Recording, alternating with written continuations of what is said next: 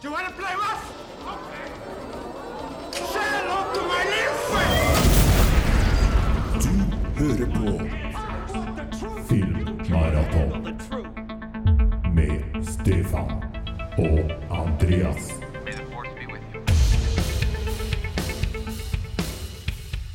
Eh, ja, Stefan, vi er nok en gang eh, på Sorgenfri i Trondheim. Det er vi.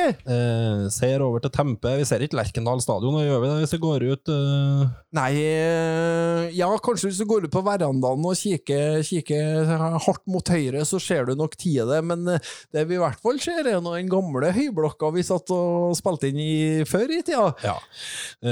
Hva er vi Trond, Trondheim Det er ikke helt Trondheim sør, heller? Nei, jeg vet ikke, jeg. Det er, det er Trondheim eh, Gangster. Gangster, gangster Trondheim? Ja. Um, ja. Eh,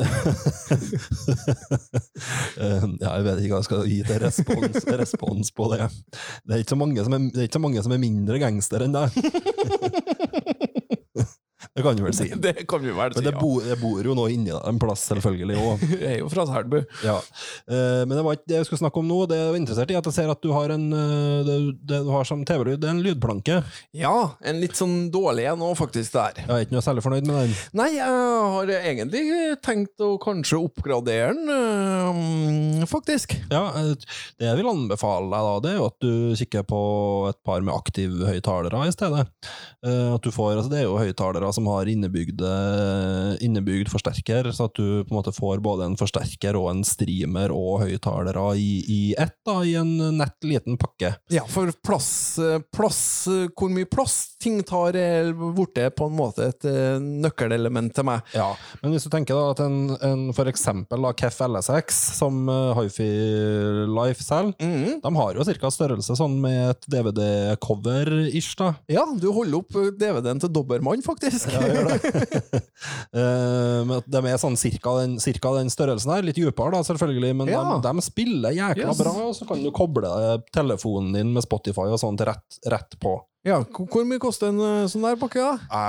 Uh, LSX-ene LSX ligger sånn rundt 10 000, så det er ikke et sånn kjempebillig produkt, men de spiller veldig, veldig bra. Da, til, da, da har du et fullverdig stereoanlegg i praksis, altså, Mm, til, den, til den prisen. Eh, men du får jo aktive høyttalere som er langt billigere, langt billigere enn det. Men et veldig veldig godt alternativ til de her litt slitne lydplankene som egentlig aldri helt har nådd opp i mine øyne. da. Men jeg anbefaler deg og andre å gå inn og se på nettsida der, og så anbefaler KEF LSX veldig gode aktive høyttalere, og så generelt å ta en kikk på nettsida om hva man finner der. Ja.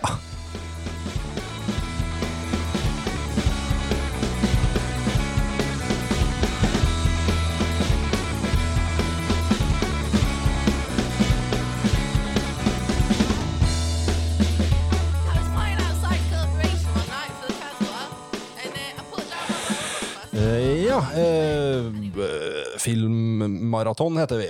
Det, det er det. That's our name. Ja, episode 22.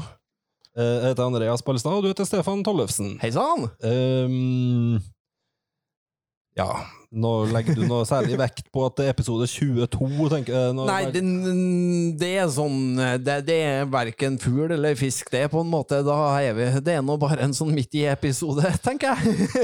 Ja, eh, og en klassisk eh, filmmaraton midt mellom episode, det er videohjørnet. Eh, og dit skal vi i dag.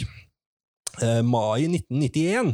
Ja da, og nå skal vi tilbake til Narvesen.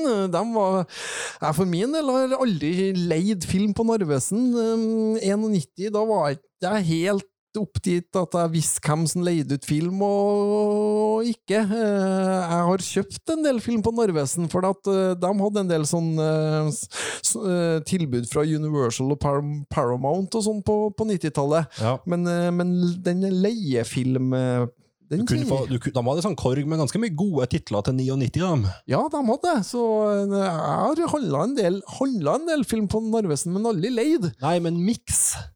Ja! Mix var utleiekjeden blant kiosk, i kioskbransjen, som jeg husker det. da. Mix Scene 1 var jo noe som het. Ja, Ja. så de drev, jo på, de drev jo på med det her, men jeg må være enig at jeg husker ikke at Narvesen hadde videoutleie. Nei, men jeg tror de det var var... Tipping og pølse i brød og, og blad. Ja. Mag magasin og blad. Blåblad. Ja, det er jo Ja, alt Men så Mix kanskje Mix var mer smågodt og, og videoleie. Mm, men det tror jeg kanskje er for at vi er, vi er jo mer barn av 90-tallet, sånn sett. Så, så vi, men jeg tror, sånn jeg har forstått det ut ifra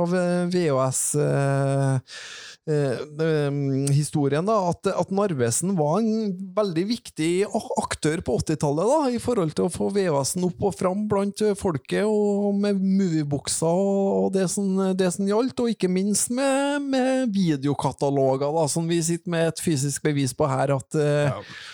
Til syvende og sist selvfølgelig, og en viktig aktør i, i Kiosk-Norge gjennom mange år. da. Ja, ja, ja. Er ikke, ikke kjempegammelt det her, Narvesen, Det, egentlig? er det, vet du. Du, har, du, du kan lete opp sånne bilder av de her første Narvesen-kioskene. Mm. Da er vi langt tilbake i, i tid. Sånn, Når- sånn, pøl, sånn aviskiosk Ja. slash pølsebu-greie.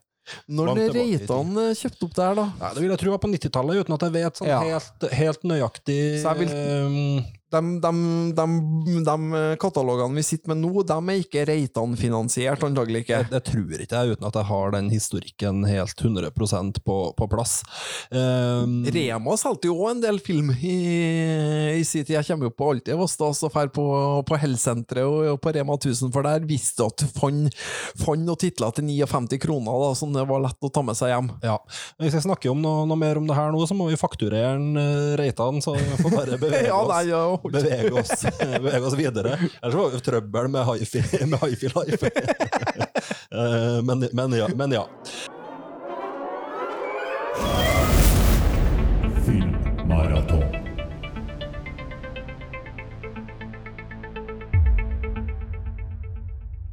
Vi må ta med oss Vi må begynne med litt sett siden sist. Jeg tror jeg kanskje vi skal ha en liten runde i brevsprekken nå i dag. Ja.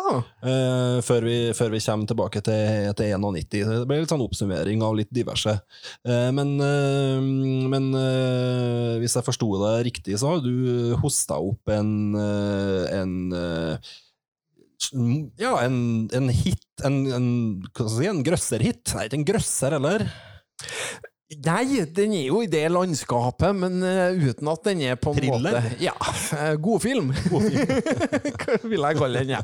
Ja, men den er jo det, og den var jo en, den var jo en, eh, en eh, Det her er jo en klassisk sånn sleeper-hit som blir lansert uten noe sånn voldsom brask og bram, men som får et ganske stort publikum og blir en ganske bra hit på, på kino. Ja, og ikke minst for at den er så kul, da. Ja, fordi den er kul, og vi kan jo avsløre nå at vi snakker om Ready or Not fra 2019. Ja, filmen burde ha hett Hide and Seek. Det hadde Ja. vært den logiske tittelen på den, men eh, som jeg fant ut, så er det jo en Robert De Niro-thriller fra 2006 eller noe som heter Hide and Seek, så det var vel grunnen til at de gikk for tittelen Ready or Not. Ja.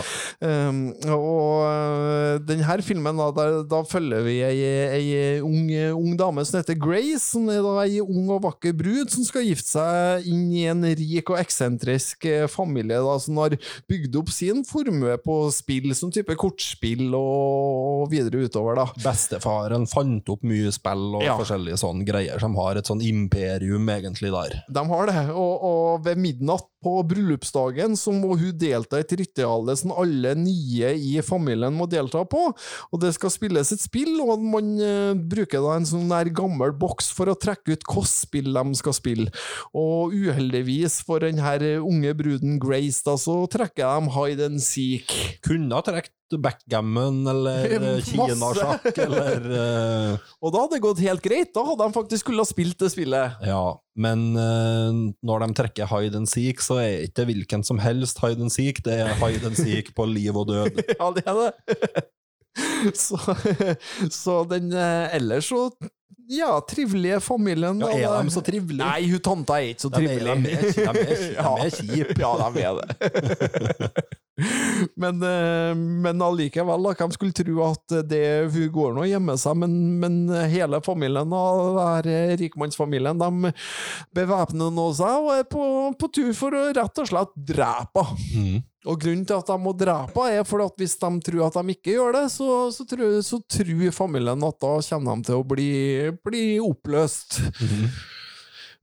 og um, Ja, de tror jo at det er noen demoner som kommer og tar Ja. dem, eller det er jo noe sånt, er det ikke? De, Det- de ja må gjøre det her, de må ofre noe blod for at de ikke, ikke skal komme noen demoner og ta dem, eller Ja det, er sånn, det er jo helt sprøtt det her. Ja da, det er noe, noe, noe, noe, en pakt som ble tatt med sjølveste Satan, tror jeg, i, i sin tid, det der. Dere skjønner jo, allerede, den filmen her er jo bare tull. veldig bare tull, men eh, veldig artig. Ja, den er meget underholdende. Eh, en, en eh, annen ting, det er ikke sånn kjempemye kjente fjes for min del, men eh, jeg la veldig merke til det, er jo Andy McDowell, som vi husker godt fra Fire bryllup på en eh, gravferd, og masse andre 90-tallsslagere. Og hun spiller da brudens svigermor, og hun syntes det var veldig artig å se igjen, eh, se igjen eh, på lerretet. Og hun som spiller hovedrollen er jo veldig god, synes jeg. Ja, Uten at jeg har navnet hennes fremst i hodet mm. nå. Mhm. Helt enig.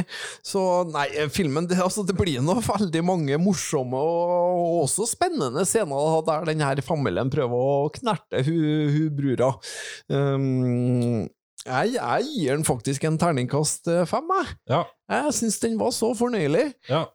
Den minner jo den, Ja, jeg er enig i det. Jeg kan jo godt gi den en, en femmer, og hadde den jo relativt høyt på rankinga vår av filmer som kom i, 20, i 2019. Mm. Uh, hva, hva den minner om hva kan, den minne, hva kan den ligne på? Den har litt sånn vibe fra, fra eh, Knives Out, ligner litt på Get Out, uh, ligner litt på altså, ha, I tillegg til sånn, re, mer sånn klassisk sånn slasher, du har jo ei mer og mer blodig brud her Ja. etter, etter hvert, da.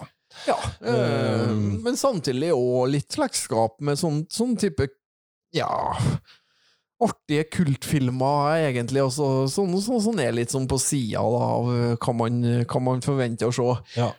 Uh, for ja, for den, den skiller, skiller seg litt ut og er litt annerledes, samtidig som Mm. den har noe slekts, litt slektskap til noen andre, Ja. andre, andre ting. Eh, Eh, På rulleteksten så er det for øvrig en veldig kul eh, cover, eh, cover av eh, låta 'Love Me Tender'. Eh, Så den har nå jeg lagt det på min spilleliste. Det er Stereo Jane da, som har, har låta 'Love Me Tender', og den er, det er en skikkelig kul, kul cover, altså. Ja. Den, er, den er jo fort, fort sett, lett sett, det er nitt- Ja, ja, ja. sånn 90 eller sånn 100 minutters, kanskje sånn Ja. variant, uh, smeller av gårde. Er Ganske bra. Min mor uh, gir den nå terningkast fem. Uh, Laila eh, var på femmeren på Ja. den her. Ja, nei, men det, det er bra, det, og det er et kvalitetsstempel. Mm. Uh, flat, flat femmer fra redaksjonen i, redaksjon i Filmmaraton. Uh, jeg har sett en eh, Jeg har sett også en film som er litt i det samme landskapet. Kall det sånn det her grenselandet sleeper hit slash kultfilm. Hva er Mhm. det egentlig for noen ting? Ja.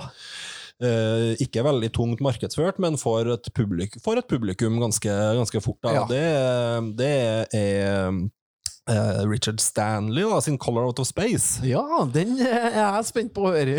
Ja, Det er jo basert på ei, ei novelle av en H.B. Lovecraft, som mange kjenner til da, som den her forfatteren bak Cthulhu, og egentlig Ja, altså, han, han er en, eh, mest, en av de mest innflytelsesrike forfatterne innenfor det her, kaller litt okkulte Ja.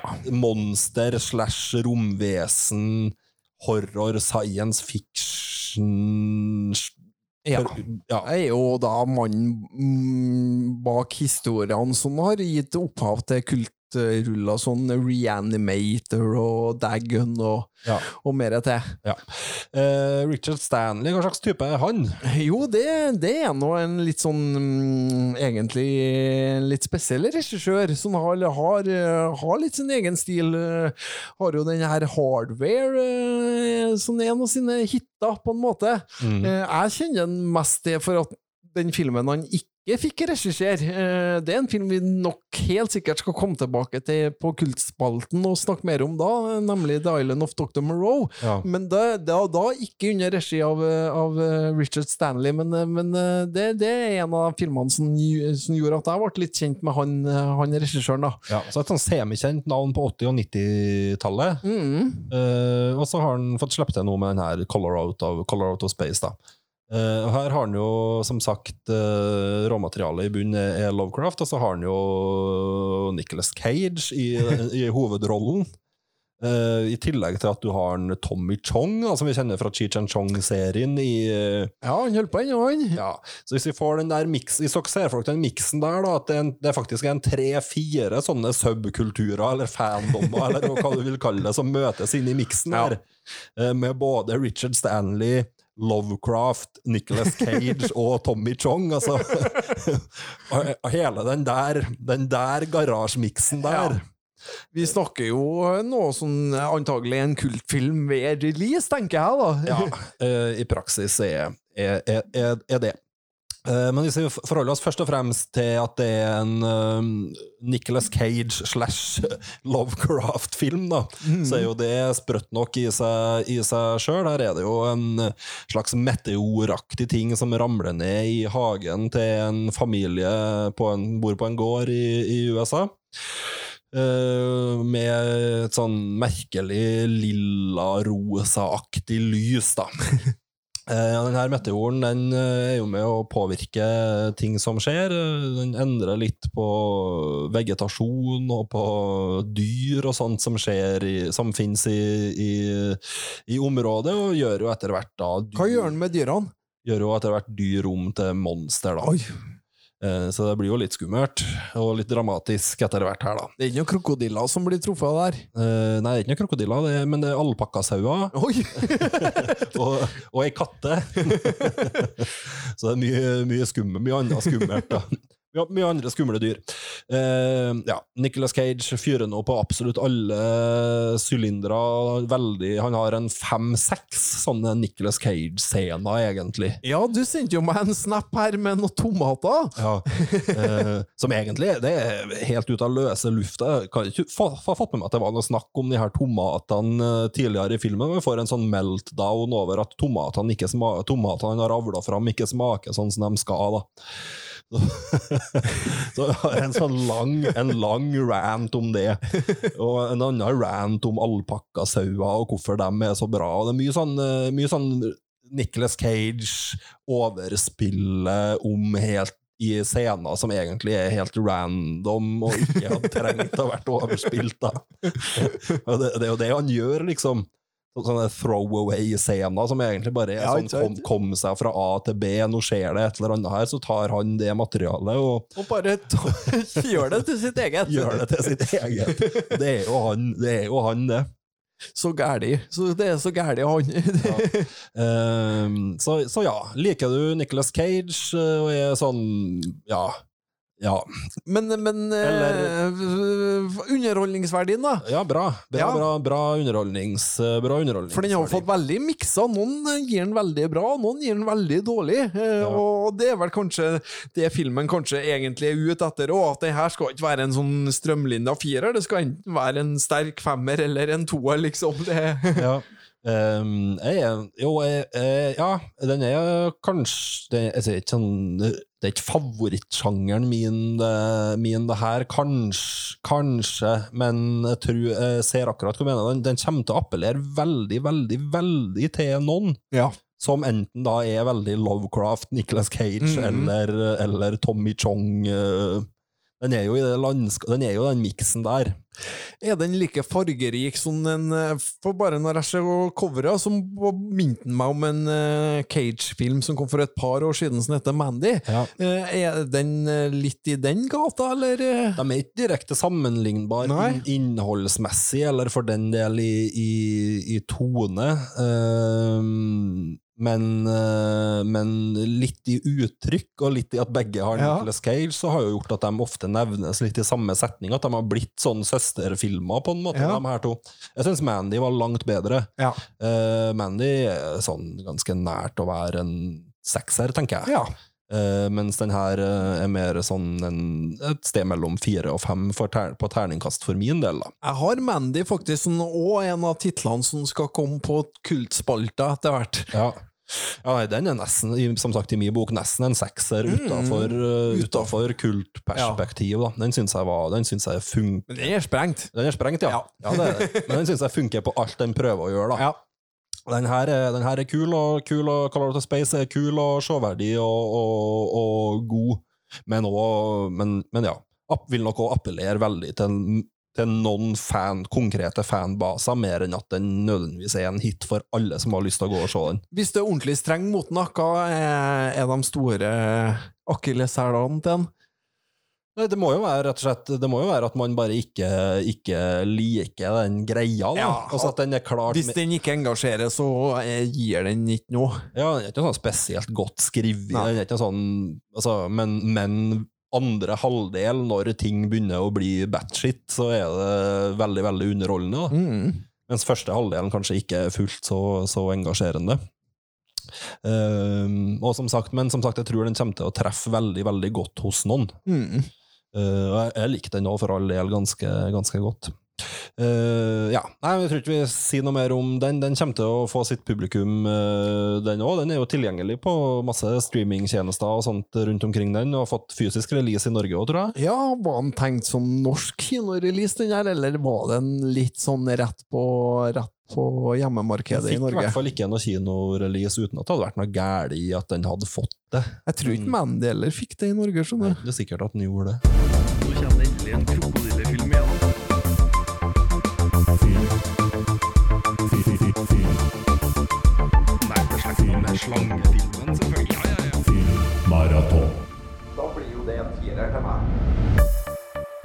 hvis vi beveger oss litt over i brevsprekken, da, eh, så kan vi jo følge opp litt for så vidt denne diskusjonen her, men med, med det her kultfilmbegrepet. Ja. For det, det er ikke så veldig fryktelig, fryktelig enkelt. Det er ikke så Eh, lett. Vi har ikke fått noe direkte spørsmål om det, men det har jo vært litt en diskusjon som har foregått på noen av våre sosiale medier, og med, med, med det her med hva er en kultfilm, når blir ting en klassiker, når, eh, Mm. når eh, Og litt som vi sier blir, det her blir en umiddelbar kultfilm, det her er en umiddelbar klassiker. Altså, det er en del litt sånn sjølmotsigelser, og det er ikke nødvendigvis så enkelt bestandig å tråkke rett oppi det her, da. Det er ikke det. Eh, Det er mange, mange måter å se en film på, da. Ja, Er det.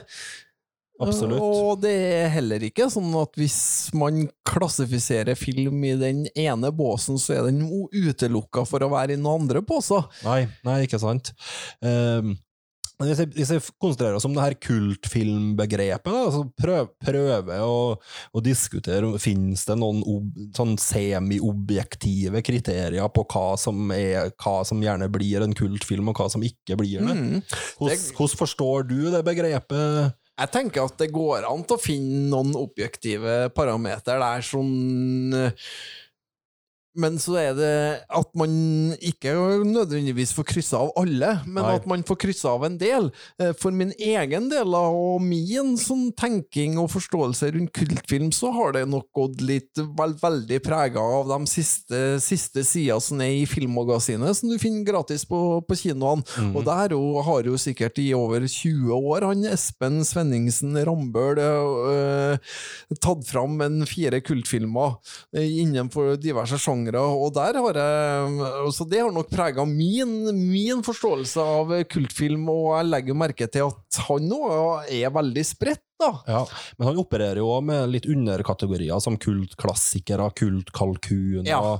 Litt Potensiell kultfilm, en som kanskje ikke er der, men som er på tur opp, ikke sant? Ja. Uh, Og en ekstrem kultfilm har han vel òg, ofte. Ja, men, uh, men la oss begynne med å si at en kultfilm er en film som har en tilhengerskare som kan være, kan være mer og mindre ironisk. Det kan den være, men at det er folk som Den har et publikum uavhengig av tidspunktet den ble sluppet på. Ja, det kan vi begynne med å si. Men hvis vi skiller det fra sånne klassiske fandommer, så vil jo dem på en måte, det vil jo være sånn, uf, det vil jo være sånn uforbeholden hyllest av en film, på en måte. Mm. Mens et kultpublikum, når jeg sier kan være ironisk, så vil jo det si at for, at for det publikummet kan òg nødvendigvis se at de hyller noen ting som kan ha sva, svakheter. Ja, ja, ja. ja men at man syns det er good times. Ja. Uh -huh. uh, la oss ta en film som Rocky Horror Picture Show, for eksempel. Som er en klassisk film som ofte får det her stempelet kultfilm. Uh, Men som alle som ser den òg vet at er litt rar, Ja. hvis man kan si, kan si det sånn. Mm. Samtidig som den òg er en musical. Ja. Altså, du kan òg kalle Rocky Horror eh, Picture Show som for en musical-klassiker. Det er ikke noe galt i det. Nei, for det kan den òg helt fint være, Mm. uten at det ene utelukker det andre. Ja. Så, så den har en fanbase, eller en tilskuerbase, og som du sier, litt uavhengig av tidspunktet den er lagd på. Eh, den, jeg tror nok også vi kan si at en kultfilm ofte har hatt større suksess hos publikum enn hos kritikere. ja, det er ofte en, en gjenganger, det. Mm. Eh, Men heller ikke der en absolutt kriterium. En kultfilm kan òg ha gått veldig bra hos kritikerne. Ja, Pulp Fiction, for eksempel, Ja. er nok en av de mest kritikerhylla filmene som har kommet de siste 30 årene, ikke sant? Men er Mm. sam, har sam, krysser samtidig av veldig mange av punktene for å være en, Ja. en kultfilm. Vi har jo hatt Clerks, blant annet, som kultfilm ti tidligere episoder, og det var jo òg en film som fikk veldig gode kritikker når den kom. Ja. Eh, ellers så er det jo et, et for så vidt et kriterium at filmene, veldig, filmene ofte ikke nødvendigvis har vanvittig store budsjetter. Mm.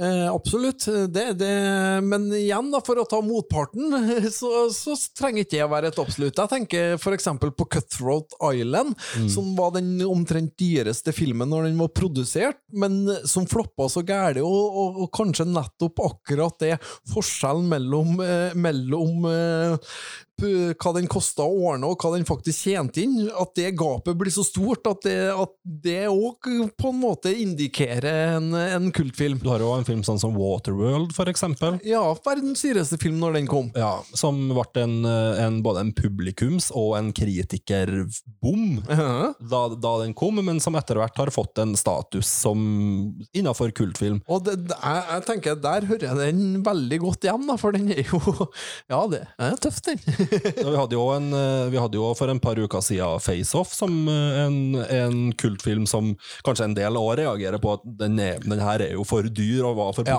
populær når den, når den kom. Men Og, tror, og det kjente vi jo sjøl på når vi presenterte den. Eh, Jeg fikk jo spørsmål av deg at det er ikke det her egentlig en 90-talls actionklassiker. ja, Og, og det er den jo. Ja. for at det ingen tvil om at det er en av de store actionfilmene på 90-tallet, men når du ser den igjen i dag, så er det jo ingen tvil om at den her er over så alle bauger og skaft. Altså at det, det er jo helt sprø. Og, og vil jo krysse av på veldig mange andre av de her kriteriene her, da. Mm. Så det finnes jo på en måte unntak, men vi kan vel også si, eh, eh, hvis man kan begynne å gå på mer sånn konkrete ting som kjennetegner det, så vil det jo ofte være at eh, altså, kultfilmer har ikke nødvendigvis bestandig de mest logiske og, og aller mest gjennomtenkte plottene bestandig. Man kan ha svakheter i historiefortellinga. Absolutt. uh, man kan finne svakheter i skuespill, altså i, uh, enten at det er lagd på et så lavt budsjett at man ikke har Man har ikke nødvendigvis kremen av talent. Uh. Eller så har vi skuespillere som på en måte velger å ta De er gode skuespillere, men man velger å, å bare å ta det så langt ut, som for eksempel Nicolas Cage velger å gjøre i de fleste av sine roller. ja, Uh, For han er jo en god skuespiller. Det, altså det, Ja, Nicholas Cage er ikke en dårlig. eh, Oscar-nominert skuespiller. Og Vinner òg, faktisk. Vant vel kanskje for, for Fair for- and Loathing Nei, for, den um, Ikke Vant den for Living Las Vegas, ja, eller vant den for, Las Vegas, ja. eh, vant den for den her ambulansefilmen? Oh, Bringing Out the Dead? Ja. Nei, jeg tror han vant for 'Living Las Vegas, ja. Ja, jeg tror kanskje han var Mm. nominert for begge dem. Så sånn på, på, I den perioden her, så han har jo bevist mange ganger at han vet hva han driver, Yes. driver på med. Men han velger å ta den uh... Ja. Uh, gudene vet hvorfor. Men Det er det er jo alle spørsmål hva som er motivasjonen hans for å gjøre det, men i hvert fall, han gjør jo, han gjør jo det. Ehm, ja, andre ting, du, andre ting du tenker på som kjennetegner kultfilmer? Nei, eh, effekter kan jo være både eh, dårlig og bra, egentlig, men at det er et eller annet. Men så- er det litt sånn Når jeg sitter og kjenner på at jøss, det her er en kultfilm, så er det rett og slett at det er en film som bare skiller seg bitte lite grann ut ifra den sjangeren eller, den tida, eller eh, et eller annet som den er satt i, da. Og så, Ja. så bare avviker den, avviker den fra det. Ja. Eh, samtidig som man vet at her er det flere som setter pris på at den avviker litt. Ja, mens kanskje å si det er mer den her typiske filmklubbklassikeren, for å skille litt der, den gjorde det nok ofte bedre hos kritikerne Ja. enn hos publikum, nødvendigvis, i sin tid, hvis man kan si det, si det sånn, da. For å skille litt der. Fabelaktige Amelie fra Montmartre vil aldri bli en, er, aldri en, er ikke en kultfilm. Nei, jeg heller vil ikke regne som den, men hvis noen hadde tatt den fram som en kultfilm, så jeg vet ikke om jeg ville ha reagert veldig sterkt på det, men uh, Nei, da syns jeg jo kanskje andre har skjønnet sine filmer, som Delikatessen. og- den er, nok, og- den er nok en kultfilm. Den hadde jeg kunnet tatt med. Jeg kunne ha tatt med Delikatessen som en kultfilm, for at den blir på en måte man, Det handler om en sitt og kjærs kannibalisme, ikke sant, på en fin måte. Ja, en eh, estetisk En estetisk og litt jålete kannibal, kannibalfilm. City of Lost Children og så videre. Ja, men, eh, ja. men det, det hårfine grensa, Det er det. grensa her, da, egentlig er det ikke så forbaska interessant å drive og lempe for ting oppi en sekk og, og knyte knyt den igjen, heller. For det, sånn som vi, som vi poengterer, det ene utelukker ikke det andre. Og jeg tenker for, for filmmaraton sin del så har vi valgt å ha en veldig snever tilnærming til det, men at eh, ting som vi føler, føler er litt på sida, eller har et eller annet ved seg, da, at den, det kvalifiserer. Ja. Og vi er veldig sjeldent ironiske i vår tilnærming til, til ting, altså. Ja, ja men det er sant. Eh, det er ikke den, det ikke den podkasten her handler Det er bare å høre forrige episode Crocodile Dundee. Vi tar det på ramme alvor. ja, Uh, ja, absolutt. Uh, så for vår del er, ikke, er det veldig sjelden, veldig sjelden noen form for sånn ironisk distanse til de kultfilmene vi, vi velger ut, heller. Mm. Så det, er ikke så enkelt å, det er enkelt å sette en sånn sløyfe på den der diskusjonen der, men vi kan jo, det er noe for så vidt greit nok å prøve å, å, prøve å, å adressere det på et, på et vis. Og man trenger ikke å sjekke av alle boksene vi har nevnt her for å være en, en kultfilm, og, og det at vi sier at noe er en kultfilm, betyr ikke at det ikke òg er en er og annen. Nei, og hvis du på en måte sjøl har lyst til å tenke på at det her er ikke en kultfilm, så ja, så må nå det få lov til å være fasiten din, da. Altså, det- spiller ikke- spiller ikke noen rolle for oss. det gjør ikke det. Skal ikke gå så langt som å si at vi skiter i hva dere mener, men nei, vi, vi gjør ikke det. Det gjør ikke vi, men, eh, men på en måte Film er til syvende og sist en subjektiv og individuell opplevelse, og det har vi respekt for. Ja, det er det absolutt, og veldig viktig for oss å avklare at kultfilm er ikke et negativt ladd begrep for oss. Nei. Eh, Nei, heller heller motsatt. Heller, heller tvert imot. Så hvis vi drar fram noen ting som en kultfilm eller en kultklassiker, eller hva vi nå bruker slags begrep om det, så er det definitivt ikke ment som negativt for, for filmen. Um, ja, vi skal bevege oss til katalogen her, så det ikke blir så fryktelig lang episode, men uh, nå har det jo Koronaen er jo sånn, den er jo sånn halvover. Vi er jo sånn noenlunde til, sånn tilbake til en sånn halv, halvveis normalsituasjon. Det føles noe sånn ut, i hvert fall. Men, Så men noe av det vi snakka om helt i starten her nå, det var jo at, eh, at eh, platekompaniet i Trondheim forsvant, og dermed òg litt Som var litt sånn siste eh, Siste plassen som var dedikert fysisk format film, egentlig, i, i Trondheim. det var det. Det finnes jo noen plasser ennå som har musikk i fysisk format, og du kan jo få kjøpt noen titler På Elkjøp og på Obs er vel de eneste plassene nå som faktisk du kan få kjøpt en ny Blu-ray i Trondheim. Ja, det er kanskje nesten, nesten det. Mm. Um, eh, nå skal jeg være ærlig og si at det kanskje er andre plasser i Trondheim jeg savner enda mer enn platekompaniet som har forsvunnet gjennom de siste ty- ty- 20-30 årene, da, både av kafeer og uteplasser og butikker. Og, Savner Sherox, du. nei, jeg savner ikke så mye Sherox, men jeg savner kanskje mer eh, Jesper og Posepilten. var Ja, Posepilten! Sherox var, jo litt sånn uh, Ja, jeg vet jeg. The bastard son av, av de to plassene når Ja. de ble lagt ned. Eh, men ja, Vidioten har vi jo snakka Ja, om, jo- og, og mm, har jo, hatt- ja, det har jo vært mye, mye kule plasser. Mm. Hot Rod, husker du det? Ja, det husker jeg. Jeg kjøpte. Kjenner på hvor stolt jeg var på ungdomsskolen når, når morsom bladde opp og kjøpte antrekk til meg på Hot Rod. I andre etasjen, da. Du var ikke nede på skinn og lær. Nei, nei, nei, nei, men i skate, skateparken der, ja. Med hettegensere og Volcom-bukser. Ja, ikke sant. Det var motorsykkel, motorsykkelsjappe i første etasjen. Stemmer. Um, eh, der noen vi kjenner kjøper seg skinnfrakk og hansker. Skal slippe å bli hengt ut ved navn. Og det var vel studielånet som gikk med på det. Ja. Det var i Matrix-tida. Uh, Men ja, det, var, det har vært sinnssykt mye kule plasser i, i Trondheim opp igjennom. Platekompaniet skal- var nå i si tid med på å slå i hjel en del av de plassene der. Det var det faktisk, men ja. Over gata til platekompaniet lo jo Free Record Shop. Mm. Jeg har gode minner derifra òg, men det er klart at platekompaniet var nå da på en, tross alt dem- den siste skansen, da. Det, var, det er slutten på en æra, uansett hvordan man velger å vri, Ja. vri og vende på det. I mitt hode så var, pla, var platekompaniet både få litt av skylda for å ha drept en del av de Mm. plassene som jeg tross alt syntes var kulere, men jeg skal ikke bli helt sånn eh, Hysj-hysj. Eh, ja, han? nei. Men du hadde, det var jo mye kule, det var mye kule, kule ting. Du hadde jo uh, Rockin hadde jo Og du hadde jo um, eh, Å, herregud. Aftermath. Men de holder vel til ennå, Aftermath. Litt Ja, det er en av de der metallshoppene som holder liv ennå, faktisk. Ja.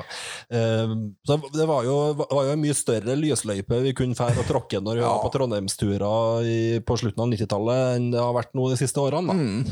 Eh, men det skal ikke bli helt sånn uh, hips, hipster å si at platekompaniet bare var, bare var dårlig. Nei, for én ting platekompaniet faktisk skal ha når de begynte med DVD-salg, det var at de plukka ut veldig mye independent-klassikere Mm. til å være synlig og lett tilgjengelig til en hundrings, da. Så, Push, pusha egentlig independent-filmen Ja. veldig på begynnelsen av 2000-tallet. De gjorde det, mens Free Record Shop bare hadde de der store klassikerne, og så hadde de selvsagt de andre òg, men de var fryktelig dyre. Mens platekompaniet var de første som gikk ned i pris på titler som en filminteressert eh, pjokk var interessert i. Ja. Ja, og skjønte jo at mye av publikummet deres var studenter, Mm. filmklubbfolk, Ja. eh, altså på en annen måte enn Free Record Shop, Ja. som alltid prøvde å være bredere og mer kommersiell. Da. Eh, Så det må de selvfølgelig få litt kreditt, eh, for. Og, i, i, de, de sørga vel Det mest solgte produktet på platekompaniet et år var jo The Wire sesong tre, liksom, ja, som er sånn her helt, helt sprøtt, hvis en tenker på det. I forhold til Men det sier jo en del om hva, hvem som var kjøper Kjøper Ja. kundegruppa der en gang i tida. å- jeg er helt enig med at de gjorde mye grep der for å skvise ut mindre aktører, men samtidig så, så løfta de opp en del gode, gode ja, titler og synspunkt innen film, da. Ja.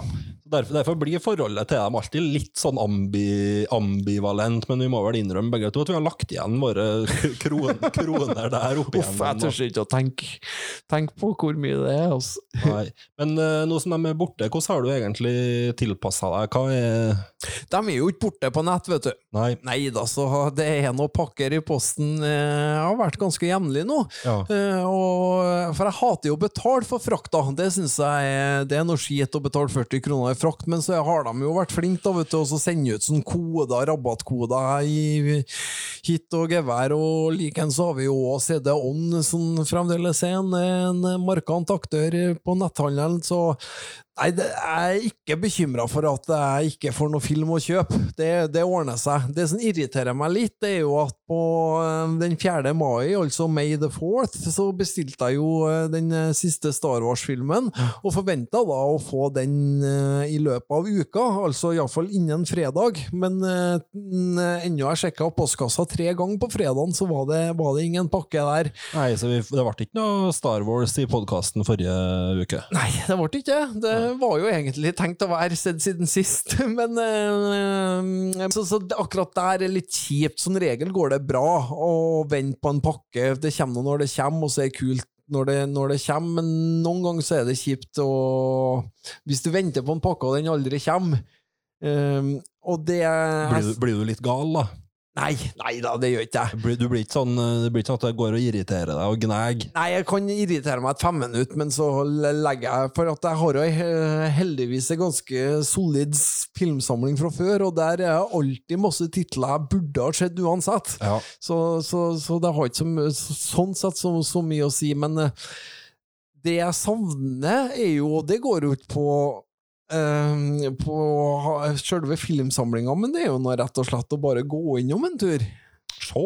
Ja, og, og, det, og det er jo ting jeg savna før, mens alle de andre, Free Record Shop og alt mulig annet, gikk, gikk dukken. At, at det begynner å bli få plasser inn og se på film og, filmrelaterte ting, da. Det var litt det jeg mente i stad, på en måte. da. Som sagt at vi på 90-tallet har jo snakka om det her før, så vi gjentar jo oss sjøl litt nå, men, men Videoten, øh, alle, de her, alle de forskjellige musikkbutikkene som vi sa, de her met- Narvesen, til og metal, med. vi snakka om som, som eksisterte, og, og ja, alle de her plassene som vi vokste opp med i, i Trondheim, da. Du kan jo mm. si, si sånn som uh, Kanalen og alt mulig rart som var sånn Det Det er ikke så mye plasser innom lenger. Nei, nå er det ikke sikkert at vi hadde rent ned kanalen sånn enormt nå som 36-åringer ja, heller, da. Men at det er jo litt sånn den her, hvis vi skal være på nostalgien, så er det jo tross alt andre plasser enn platekompaniet som nostalgien er knytta til.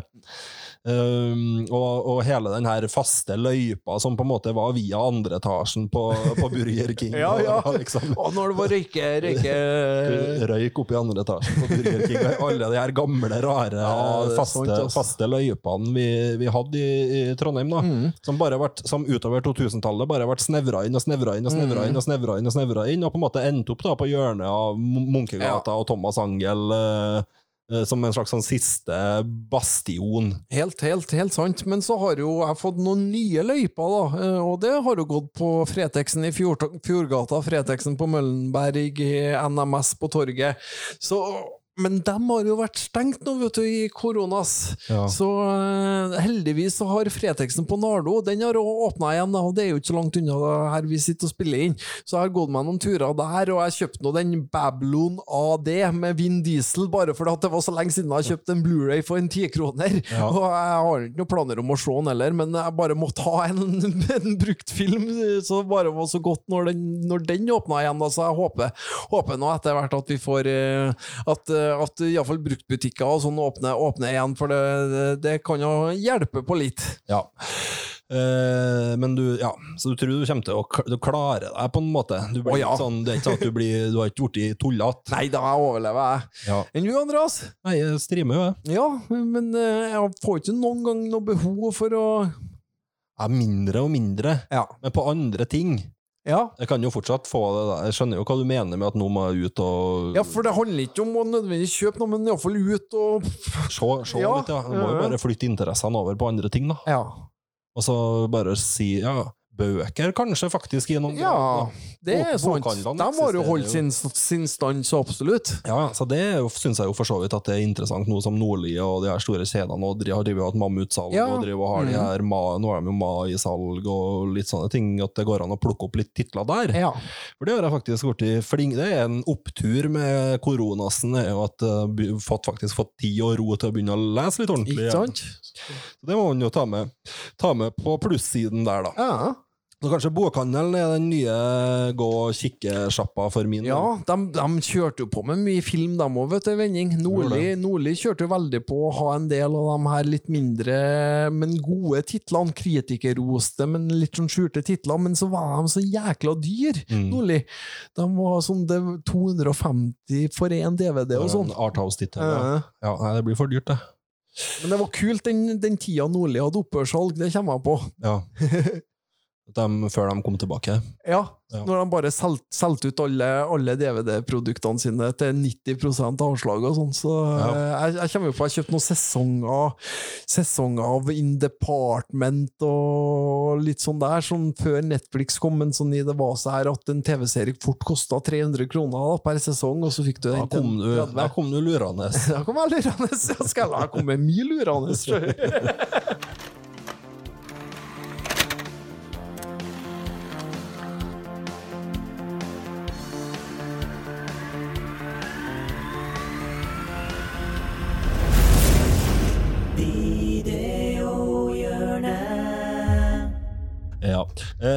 91.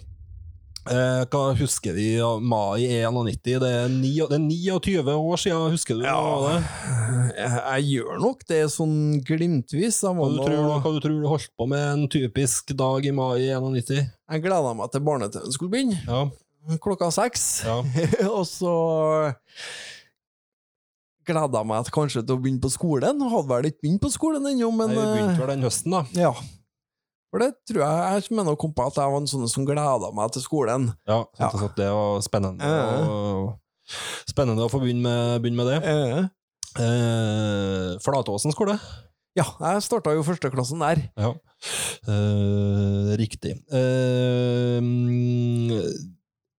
så hadde du begynt å interessere deg for film? Ja, film, film hadde ligget her, men jeg hadde ikke begynt å satt navn og nummer Nei. på det. det. Det kom ikke før jeg var ti år. Nei. Ja. Så i 94 var det første gangen jeg satte navn og nummer på en VHS, men, men jeg var jo glad i, glad i film og, og, og leid filmer, og at det var sikkert noe av det beste jeg visste, det også, når det var en tegnefilm på VHS. Og så. Det, ja. Det var mer sånn eh, ja, jeg husker det var mer sånn at det kunne være Moviebox med Inspector Gadget Ja, ja. og, og litt sånne, sånne ting, da. Men det var kult. Ja, ja, det var topp, det. Eh, det som var månedens toppfilm i Narvesen da i mai, Stefan, hva var det for noen ting? Jo, det er en eh, ordentlig Det er noen klassiker med det rette, kan jeg nå si. Ja. Så det er den som hadde den norske tittelen eh, Mafiabrødre. Ja. Ja, eller Goodfellas, da, som den kanskje er mer kjent som. Robert De Niro, Ray Liotta og Joe Pesci, da. Ja, det, det er vel ei sånn sann røverhistorie, er det ikke, er det ikke om han her Henry, Henry Hill? Mm. Eh, det står her at den, at den, har, at den varer 1 time og 40 minutter. Det stemmer ikke, altså. Den varer vel over to timer, Varer den borti tre timer. Ja, av og til iallfall to og en halv. 42, kanskje. Ja, mellom, ja. Bare, bare tull, men det er jo det her berømte As far as I can remember, I always wanted to be a gangster. Ja. Ja.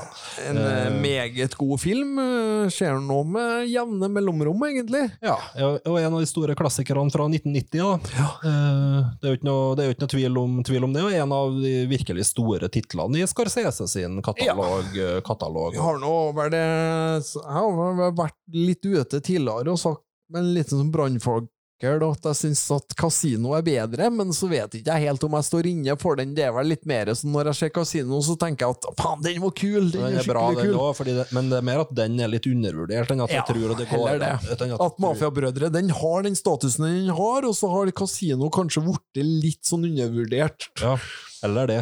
Men begge er veldig, veldig gode. Ja. Jeg heller nok mot at det her er den beste. Da, Det er nok det det. er noe forkleinelse Det er nok det, for men så, så eh, har vi underholdningsverdien òg. Den er kanskje ikke noe dårligere på Casino. Nei.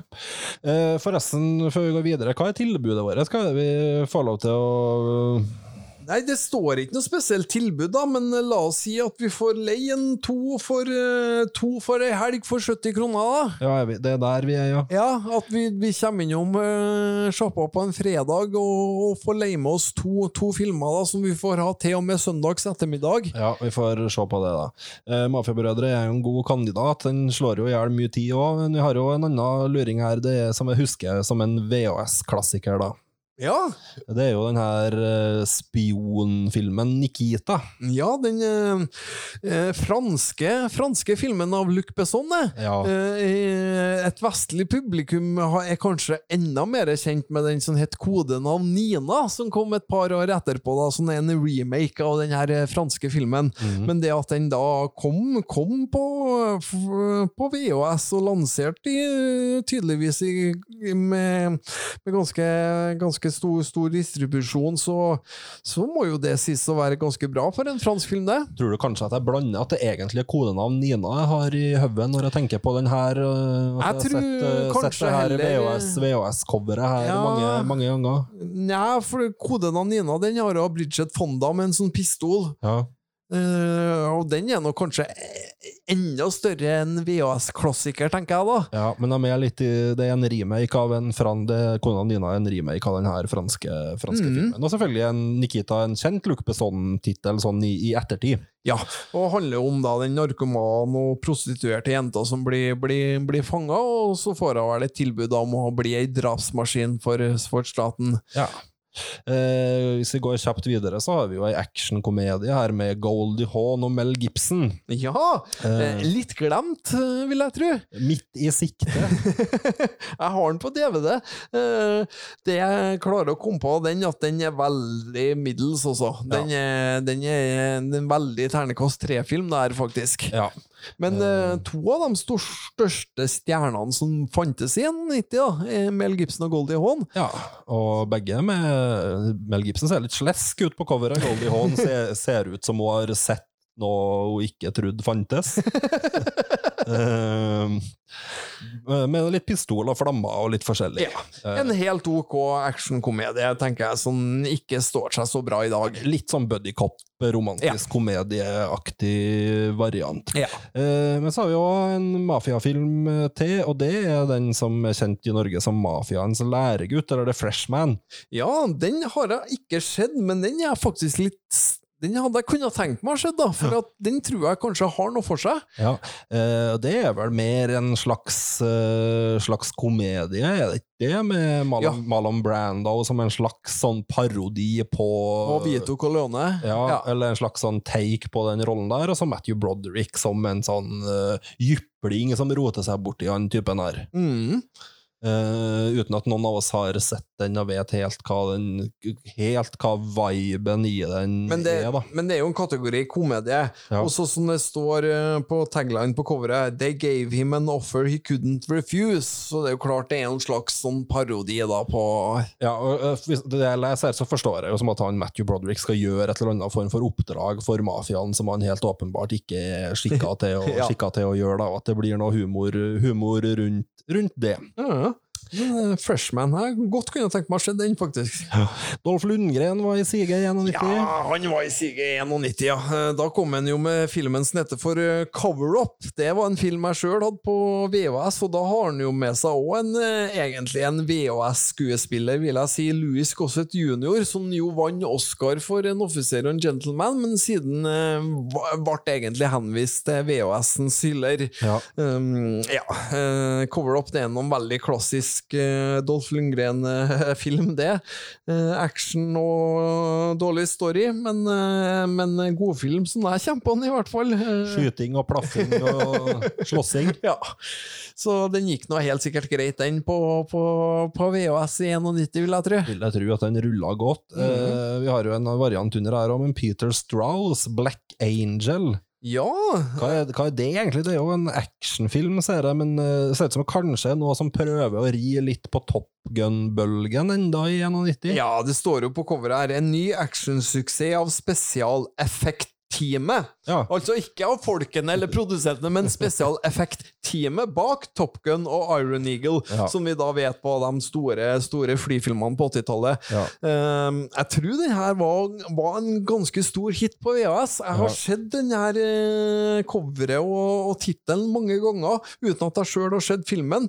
Men jeg ser òg at den er disputert av, av, av Filmkompaniet, og vet du hva Filmkompaniet eh, senere ble kjent, kjent som? Eh, ja, det har du sagt, ja, men hva var, hva var det for noen uh, Scanbox. Ja, Scanbox. Eh, tidlig, tidlig variant av Scanbox, ja. Eh, tja. Chi, tja, tjo. Så det er sikkert en grunn til at den er glemt. Det vil jeg tro, men samtidig så kanskje en grunn til at den For at det, det her var nok en liten hit også når den kom. Hvor har vi en Peter Strauss fra? Eh, du kan jo sjekke det, så kan jeg gå litt videre til denne filmen om en Dillinger. Altså den her bankrøveren John Dilling, Dillinger. Eh, Mhm. Det var jo en film som, eh, som eh, kom, kom her, en bank, bankranerfilm. Det står ikke noe om hvem som spiller hovedrollen i den. Det står veldig lite om, men vi ser at den er distributert av Warner Home Video. Eh, Mark, Mark Harmon. Mark Harmon, ja. Ikke Hamill. Nei, Mark Harmon spiller, spiller Dillinger i, i, den, Ja. i den her. 18 års bankraner-thriller. Ja, komme bort helt fra historien. Jeg trodde kanskje, ut ifra coveret, så kan det virke litt ut som at det er en miniserie, men når du ser på spilletida, så varer den jo bare en og en halv time, så det er jo ikke heller. Nei. Så det er nok bare en glemt, glemt mafiafilm, tenker jeg. Ja, det er litt blanda drops her. Det er litt, litt forskjellig her. Men nå begynner vi å nærme oss de titlene som eh, kanskje altså her, her får vi litt mer kjente, kjente titler igjen. Fant du ut noe om han, eh, om han eh, godeste Strausen. Ja, jeg gjorde det. Uh, skal vi se uh, han, han, han har nå vært med i Triple X part 2. det, det var nå det første jeg så her, men han Han har hatt en rolle i en litt større TV-serie, må han ha hatt, altså. Det, det har han hatt, sjø. Um, Flight of Black Angel, ja. TV-film fra Evan. Så det er faktisk en TV-film, den eh, den der eh, Black Angel. Ja. Typisk Gunbox, det, vet du. Å gi ut TV-filmer og, og selge sånn, sånn eh, Faen, for en fyr. Hawaii 5-0. Ja, Her har han vært med, i hvert fall. ja. Ja. Det er litt en sånn type der, ja. Ja. TV2 på torsdags, Ja, han er en sånn der type. Ja. Eh, ellers så kommer vi jo tilbake til Fremtiden 3, da. Ja, eh, det faktisk så var det den første Tilbake til fremtiden-filmen jeg så. Så jeg så treeren sikkert en fem ganger før jeg så eneren. Ja. Eh, Og det, det er jeg for så vidt eh, bra glad for at det var treeren og ikke toeren, for toeren har vært helt håpløst og skjedd sånn eh, uavhengig, men treeren funker. Det, det er noen scener helt i starten der du ikke skjønner hva de snakker om, noen kalender og sånn, men ellers så er den jo egentlig bare en western, westernfilm, da, eller en parodi på en westernfilm. Slags, slags actionkomedie. Ja. Den er ikke all verden. Jo, det vil jeg si at den er jo. Hva syns du? Ja, Back to Future 3 er en klar femmer i min bok, den. Ja, jeg tror jeg vil et hakk ned på, på terningen der. Jeg syns ikke at den er ja, skit. men, og, og det er veldig vanlig også, at treeren blir, blir holdt, men, men der er det igjen sikkert fordi at treeren var den filmen jeg så den hadde skjedd den fem-ti ganger før jeg så de andre. Ja. Men der vil jeg jo si at de to første er oppe og lukter på sekser, da. Ja, ja, ja. ja. Eller kanskje, kanskje er, er sekser, da. eneren er en sekser, og så er toeren en femmer, og så vil jeg holde treeren på en femmer òg. Ja, jeg vil Ja, ja. Ja, har du toeren på sekseren nå? Jeg vet jo, men jeg er så langt unna, nei. Nei. Nei, nei, men det skal ikke jeg krangle på, nei. Nei, at Begge de to første er seksere, og den tredje er en firer, da. Men, øhm, men ja, nei, det var noe et sidespor. Uh, I hvert fall Tilbake til fremtiden 3, den er decent. Ja, Den ble vel leid så det holdt den, av eh, både store og små, tenker jeg. ja. Eh, men denne filmen 'Nonner på flukt', Ja, den har jeg på DVD. ja, hva, er, hva er det for noe? Det er noe Monty Python eh, Ja, le- Eric, er jo Eric Idle? Eric Idle, også han godeste Robbie Coltrane. Yes, han godeste Cracker. Ja. Eller kanskje bedre kjent som Hagrid. Ja, i, det er var det nå. Men, men hva crack, spilte cracker ja, i den her krimkomedie, britiske krimkomedie. Ja. Den Påskekrimmen på TV2. Ja. Cracker. ja, jeg har jo ikke orka å se den, jeg har bare kjøpt den. Så eh, ja. De, de er nå to småkjeltringer som synes bransjen begynner å bli for brutal, og tenker å pensjonere seg i Rio. De ender jo opp undercover i nonnekostyme. Um, ja, vanskelig, å mene vanskelig å mene noe om. Hvis noen har sett nonner på flukt, så er vi interessert i det. Ja.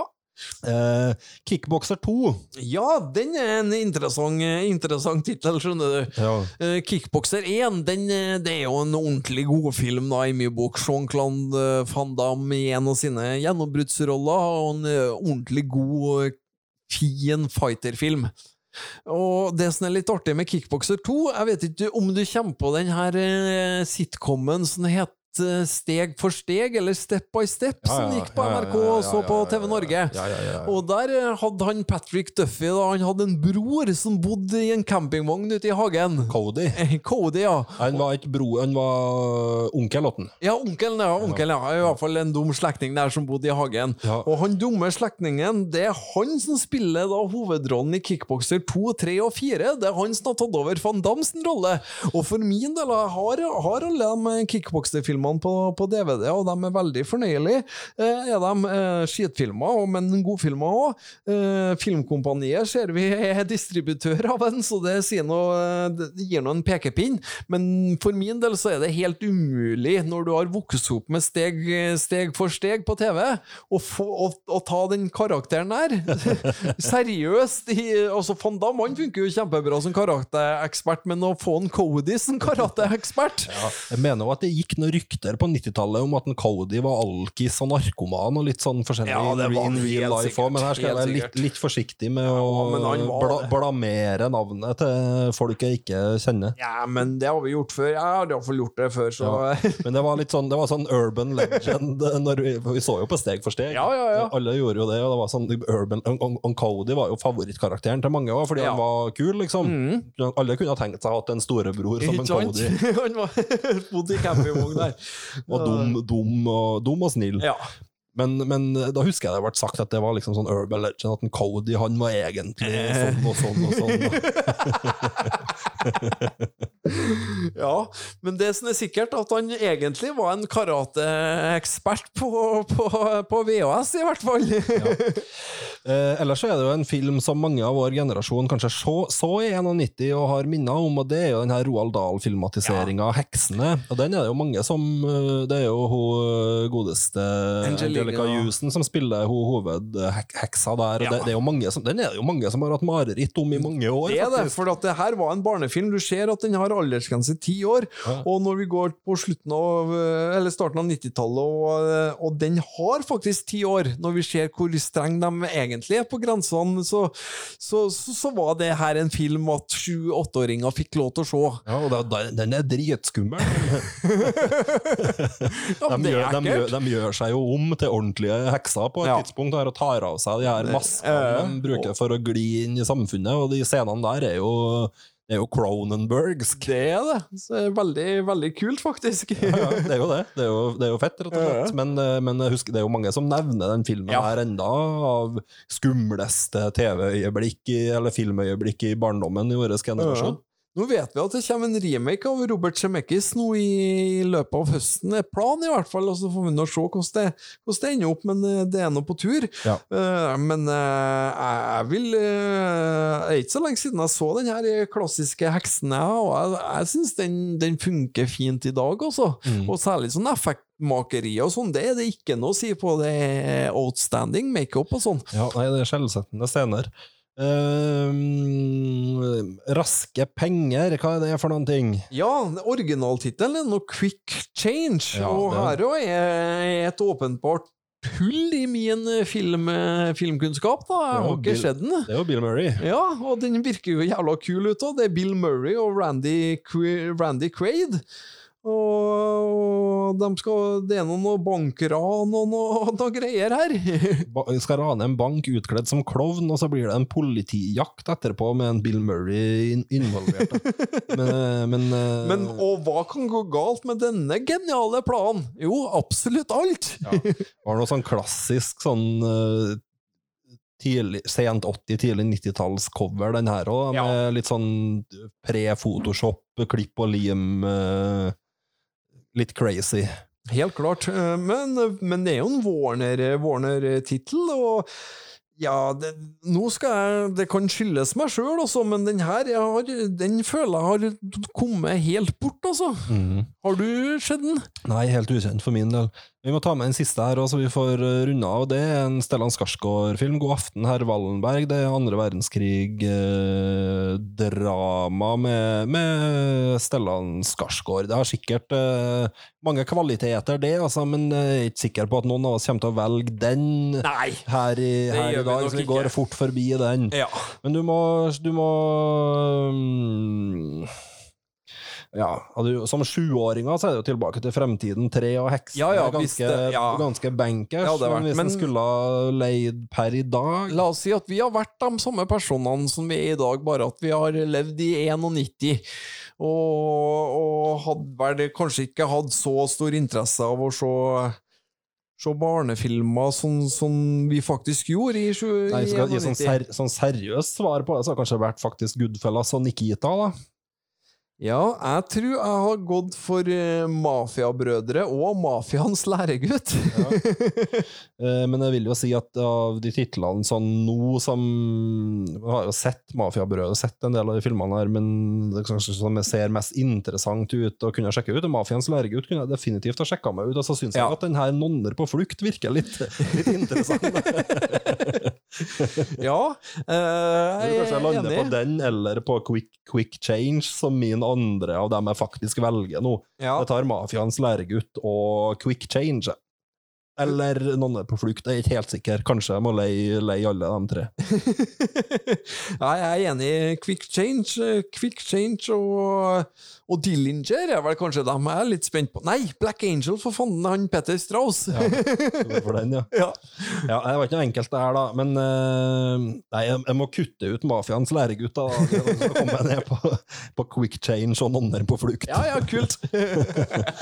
Ja, nei uh, Ja, vi har nå hørt oss hose en times tid om det her, da. ja, men er ikke det bra, da?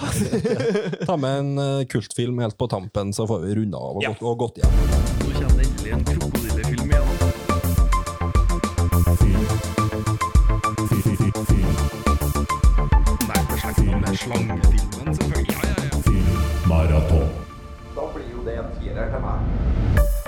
Vi tar en kultfilm her nå, og i og med at vi er på VHS og 91, så tar jeg nå en film fra 1991 som er så omtrent så VHS som jeg kan klare å komme på at en film er VHS. Det var min første tanke òg, når du pitcha det her på redaksjonsmøtet tidligere i, i uka, her, at Ja. du skulle ha den her som kultfilm. Så tenker jeg ja, det her er virkelig, virkelig en sånn VHS-klassiker. For det er det.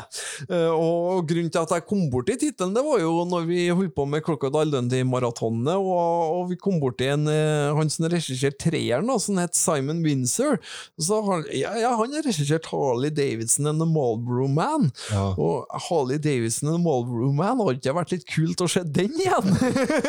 For det her føles jo som at det var favorittfilmen til alle som var født på slutten av 70-tallet Ja. når den kom. da, De som var sånn fem år eldre enn oss. Alle, Ja. alle elska, elska den filmen her. Ja, og du kan jo bare For å si det sånn, da. Filmen, filmen starter med at, uh, at du ser en, en Mickey Rourke. Han spiller da karakteren Harley Davidson og går konstant i en sånn motorsykkel-skinndrakt. og, og, og filmen åpner da med tonene til en countrysang som sier I'm a cowboy, I'm a cowboy. Og så er det bilde av en Rourke som ruller på, på motorsykkel. Før vi da kommer til neste scene og blir introdusert for John, Don Johnson sin karakter, som da er The Malboro Man, som alltid går i cowboyklær, altså noen slitne boots som han driver på teipa sammen. Og, Herregud, for en duo. det, og, og, og du skjønner jo allerede her, hvis du tar tittelen, du tar de her to introduksjonene og klesdraktene deres, eh, og den her soundtracket som går på tillegg, så skjønner du at det her er omtrent tidenes mest harry film. Ja, men òg en film som jeg vil tro at ble leid av, av eh, ja, sikkert fortsatt av flest menn, men òg av ganske mange damer. Ja da, for det var jo to kjekkiser, ikke sant? Defin, definitivt, Det- helt klart, definitivt to av tidens virkelig store sus sussebass, sussebasser der, da. Så det Nei, det, og denne filmen her, det er god stemning, vet du. Det, det er ikke noe tvil om det.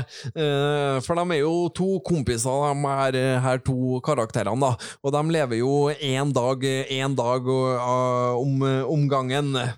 Og og, og, og filmen òg foregår faktisk i, i framtida, da. I nær framtid. Den er satt i 1996. Jeg vet ikke helt hvorfor, også, men Nei. eh, mulig at det skal være litt mer sånn plausibelt og konstant gå sånn Holly Davidson og Marlboro Man, at det ikke var helt troverdig i 91, men fem år fram i tid, så er det, er det helt greit. Jeg så jo nettopp den her Richard Duel, den foregår jo i 96 under Ja. Atlanta-OL. Ingen som går kledd sånn. Men det er jo sånn, ikke sant i- De går kledd veldig mye sånn hvite pikéer og sånt, sånn ganske, Ja. ganske streit, sånn kinos og piké var, Ja. var 96-looken. tror jeg nok stemmer, stemmer egentlig veldig bra.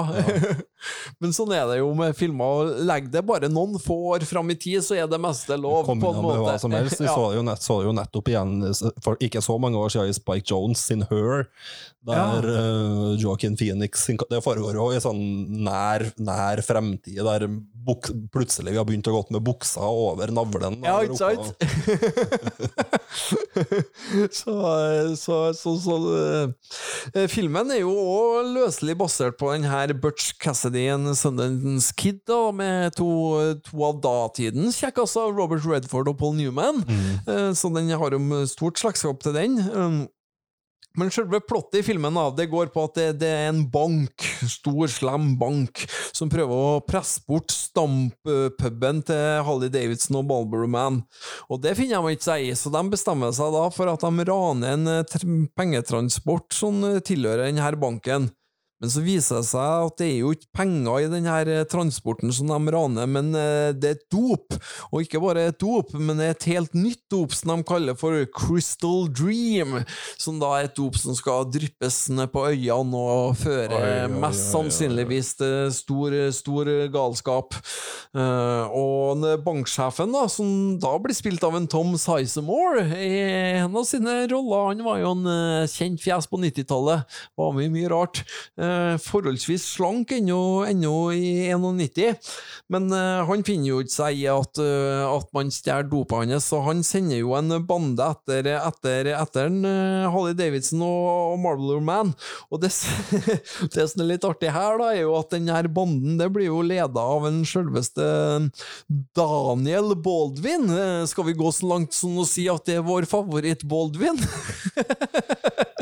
Det er han som er, det Han er som er i Vampires, vet du. ja, han som er litt sånn smal i Nei, Han er, han som er nesten sånn trykt ut av eh, på Nellek. Han, Han som er mest lik en ja, Alec. ja, helt lik en, Eh, bare en eh, veldig mye dårligere er skuespiller. i Usual Suspects, og det er en Steven? Det er en Steven. Det er han som er kanskje mest annerledes av de Baldwin-brødrene, som kanskje ligner minst på de andre. Og, Men han har jo en kalkunkarriere, så det holder etter hvert. Og så har du jo en William Baldwin som var med i Backdraft og noen erotiske thrillere på starten av 90-tallet. Ja. Så nå var han veldig kjekkas. Som Daniel er han som bare er liksom uh, Han er bare, Bare Rema, Rema 1000-versjon av en Uh, Alec, Alec. Baldwin. Helt riktig. Ja. Og han kan ikke å spille, men det han kan, det er å snakke med vesenes stemme på samme måte som en Alec.